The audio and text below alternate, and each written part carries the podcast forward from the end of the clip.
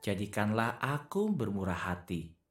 Jumat 16 September, bacaan Injil diambil dari Lukas 8 ayat 1 sampai dengan 3. Yesus menjelajahi kota-kota dan pekan untuk mengabarkan berita baik bahwa Allah mulai memerintah. 12 orang pengikutnya menyertai dia dan juga beberapa orang yang sudah disembuhkan daripada kerasukan roh jahat dan penyakit. Antara mereka termasuk Maria yang disebut Magdalena, tujuh roh jahat sudah diusir daripada dirinya, Yohana, istri Kusa, pegawai istana Herodes, Susana, dan banyak lagi wanita lain.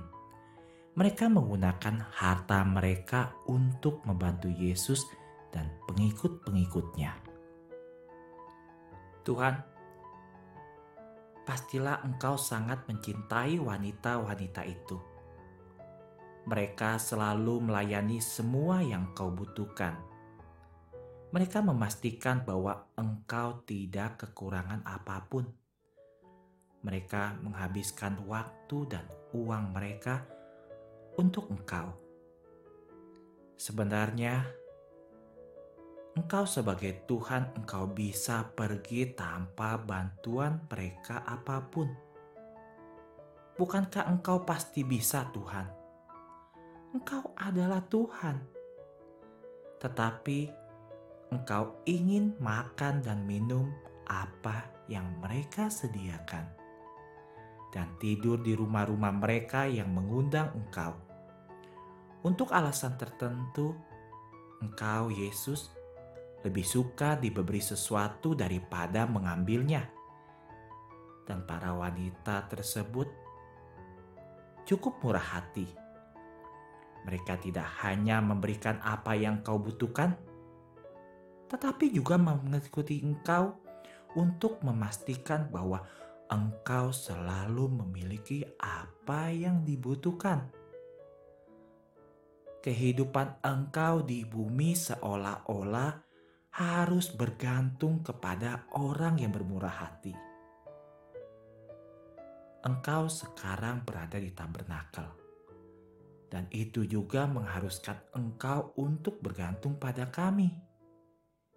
Orang suci selalu murah hati dengan segala sesuatu yang berhubungan dengan engkau. Bahkan di saat mereka meskipun mereka tidak menyimpan apa pun untuk bisa memberikan yang terbaik kepadamu.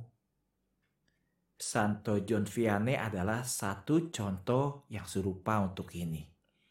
Dia sangat miskin. Dia selalu makan hanya tiga atau empat kentang sehari. Dia tidur di lantai dan hanya memiliki satu jubah.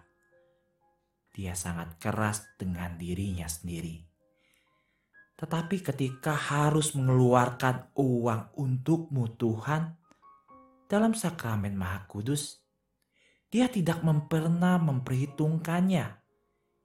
Dia terkenal di pasar Lyon karena selalu memberikan bahan terbaik untuk gerejanya.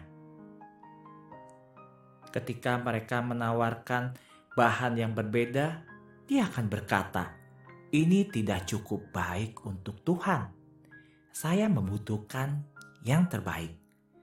Begitu juga dengan Santo Fransiskus dari Assisi yang terkenal karena kemiskinannya. Tetapi saat dia mengirim saudara-saudaranya ke seluruh dunia, selalu membawa piala dan birobia yang istimewa. Terkadang kita mungkin tidak dapat menyediakan uang, tetapi kita selalu dapat melayani Yesus dalam banyak cara lain. Dengan mengabdikan dan kasih sayang seperti para wanita di Injil ini.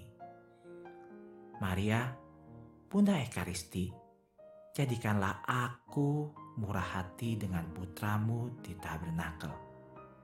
Semoga dia tidak pernah kekurangan apa pun yang dapat saya berikan Bunda Maria, harapan kita dan tata kebijaksanaan, doakanlah kami.